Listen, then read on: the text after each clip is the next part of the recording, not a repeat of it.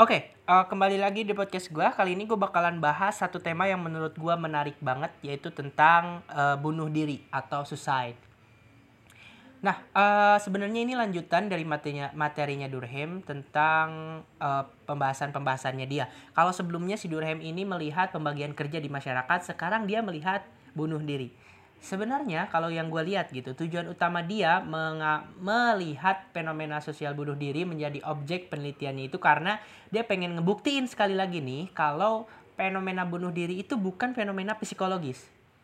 Nah, kalau di podcast sebelumnya gue ngejelasin bagaimana dia dengan pandai memperlihatkan memperlihatkan bagaimana uh, pendekatan uh, sosiologi melihat masyarakat Nah, sekarang dia juga ingin memperlihatkan kepada kita bagaimana pendekatan sosiologi melihat bunuh diri. Nah, sebelum-sebelumnya ataupun uh, mungkin sebagian banyak orang di uh, ilmu sosial, orang uh, awam mungkin atau juga ahli melihat kalau fenomena bunuh diri itu ya dilihat sebagai fenomena psikologis gitu dalam artian kita melihat apa sih yang terjadi kepada di dalam dirinya kan sehingga dia bunuh diri. Tetapi si Durkheim itu mencoba memberikan pendekatan baru yaitu dengan metode sosiologi ya ya. Menurut dia, bunuh orang bunuh diri itu disebabkan karena fakta-fakta sosial. Kalau lo belum tahu fakta sosial, di podcast sebelumnya gue jelasin bahwa fakta sosial itu merupakan nilai dan norma yang mengatur di luar individu yang memaksa orang itu.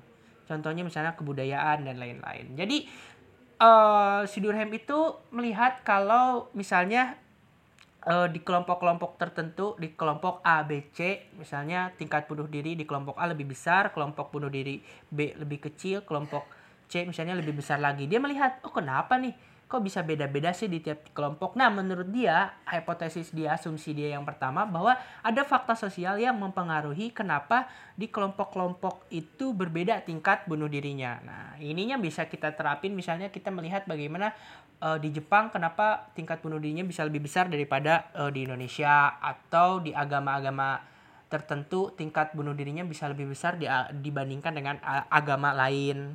Nah, si Durkheim itu sendiri uh, pada akhirnya um, kayak gitu ya. Uh, dia berasumsi kalau bunuh diri itu bukan karena orangnya secara individu, tetapi karena lingkungannya secara sosial, secara sosiologis. Hingga dia bagi uh, bunuh diri itu jadi empat tipe.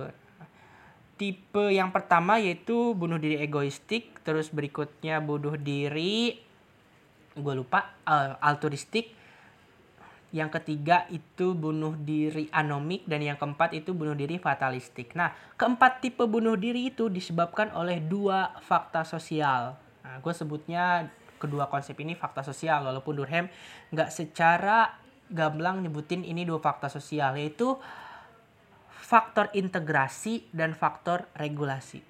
Jadi Durkheim bagi empat tipe bunuh diri dan keempat ini disebabkan oleh dua fakta sosial yaitu fakta sosial integrasi dan fakta sosial regulasi.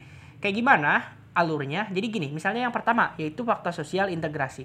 Kalau integrasi kuat di masyarakat, integrasi itu kayak apa ya? Integrasi itu kayak semacam aturan nilai dan norma yang menyebabkan orang itu rukun gitu, teratur gitu di masyarakat, terintegrate di dalam satu kesatuan. Nah, kalau integrasinya itu kuat, maka orang itu akan melakukan bunuh diri uh, altruistik.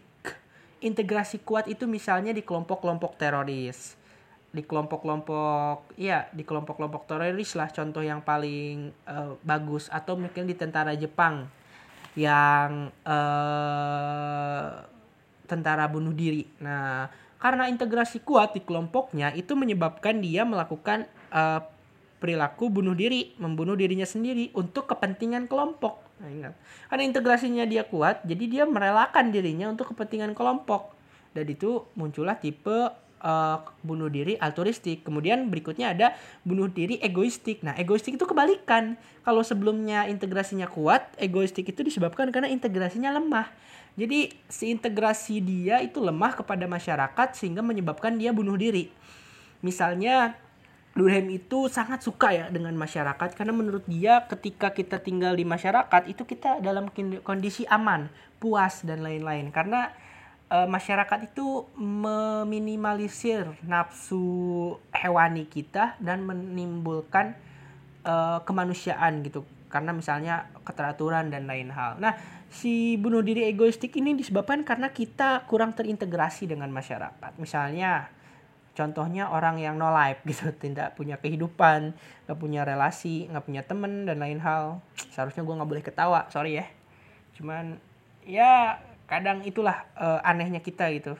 Ketika kita melihat situasi masyarakat yang kita bilang nggak sesuai sama ekspektasi kita kita malah ketawa sorry gue di situ agak salah ya cuman maksud gue harusnya kita melihat secara objektif gitu dalam artian ketika orang itu di luar uh, di luar uh, integrasi. Dia nggak terintegrasi misalnya dengan keluarganya dengan temannya dan lain hal. Otomatis dia egonya menjadi timbul dan dia kehilangan pegangan dan akhirnya dia bunuh diri. Itu disebut dengan bunuh diri uh, egoistik.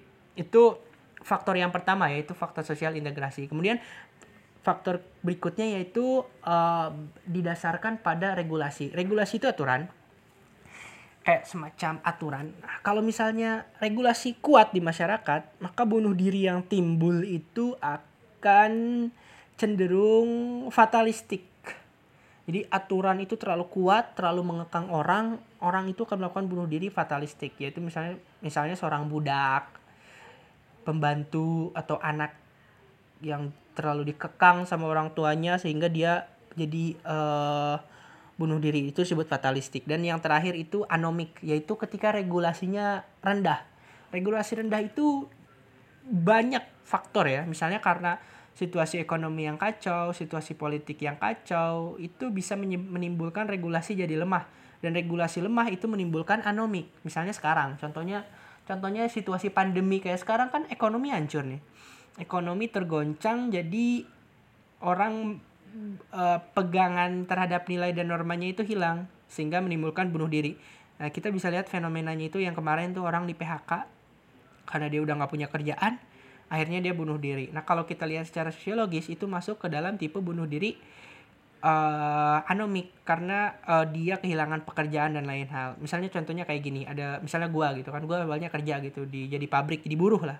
Nah, ketika gue jadi buruh ya gue punya uang, gue punya pekerjaan dan gue it's okay lah hidup gue uh, lumayan lah. Misalnya gue pengen beli ini, gue bisa beli, gue pengen beli itu, gue bisa beli juga. Dan gue nggak berpikiran untuk misalnya mencuri dan lain hal untuk melakukan apa karena nilai dan norma gue udah terbentuk karena pekerjaan gue yang aman gitu tapi ketika pekerjaan gue hilang misalnya gara-gara pandemi ini pendapatan gue nggak ada otomatis nilai dan norma yang gue pegang itu jadi uh, ter terguncang. Dan itulah yang disebut situasi anomik. Makanya disebut bunuh diri anomik. Terguncang itu misalnya ya kayaknya nggak apa-apa deh gue mencuri karena gue miskin karena gue nggak punya pekerjaan karena gue ini. Nilai dan normanya itu jadi kurang gitu. Kemudian uh, situasi ekonomi kayak gini kan uh, menyebabkan dia menjadi kekurangan. Kekurangan apa namanya kekurangan pegangan. Nah otomatis dia terjadilah uh, anomi nah, itu jadi keempat keempat tipe bunuh diri ini didasarkan kepada dua fakta yaitu fakta sosial yaitu integrasi dan regulasi yang menyebabkan keempat uh, bunuh diri ini. Jadi itu pembahasan bunuh diri secara uh, sosiologis. Kemudian apa yang bisa gue simpulin dari sini? Jadi kalau pembahasan uh, bunuh diri secara sosiologis itu nggak melihat individu ya, yes. terus nggak melihat faktor-faktor internal, tapi melihat faktor-faktor eksternal yaitu masyarakat. Jadi masyarakat itu cenderung mempengaruhi orang untuk melakukan bunuh diri. Misalnya di, di orang Jepang, nilainya itu sangat tinggi integrasi dengan masyarakat luas itu sangat tinggi. Maka ketika dia melanggar itu integrasi itu, dia merasa melanggar satu kesatuan, satu aturan norma kolektif yang dipercaya bersama, dia jadi bunuh diri.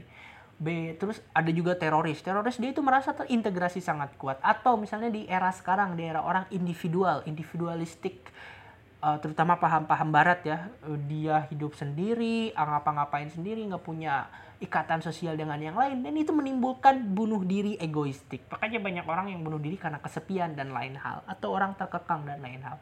Jadi kita bisa lihat bagaimana masyarakat itu mempengaruhi orang bunuh diri bukan karena dirinya itu sendiri.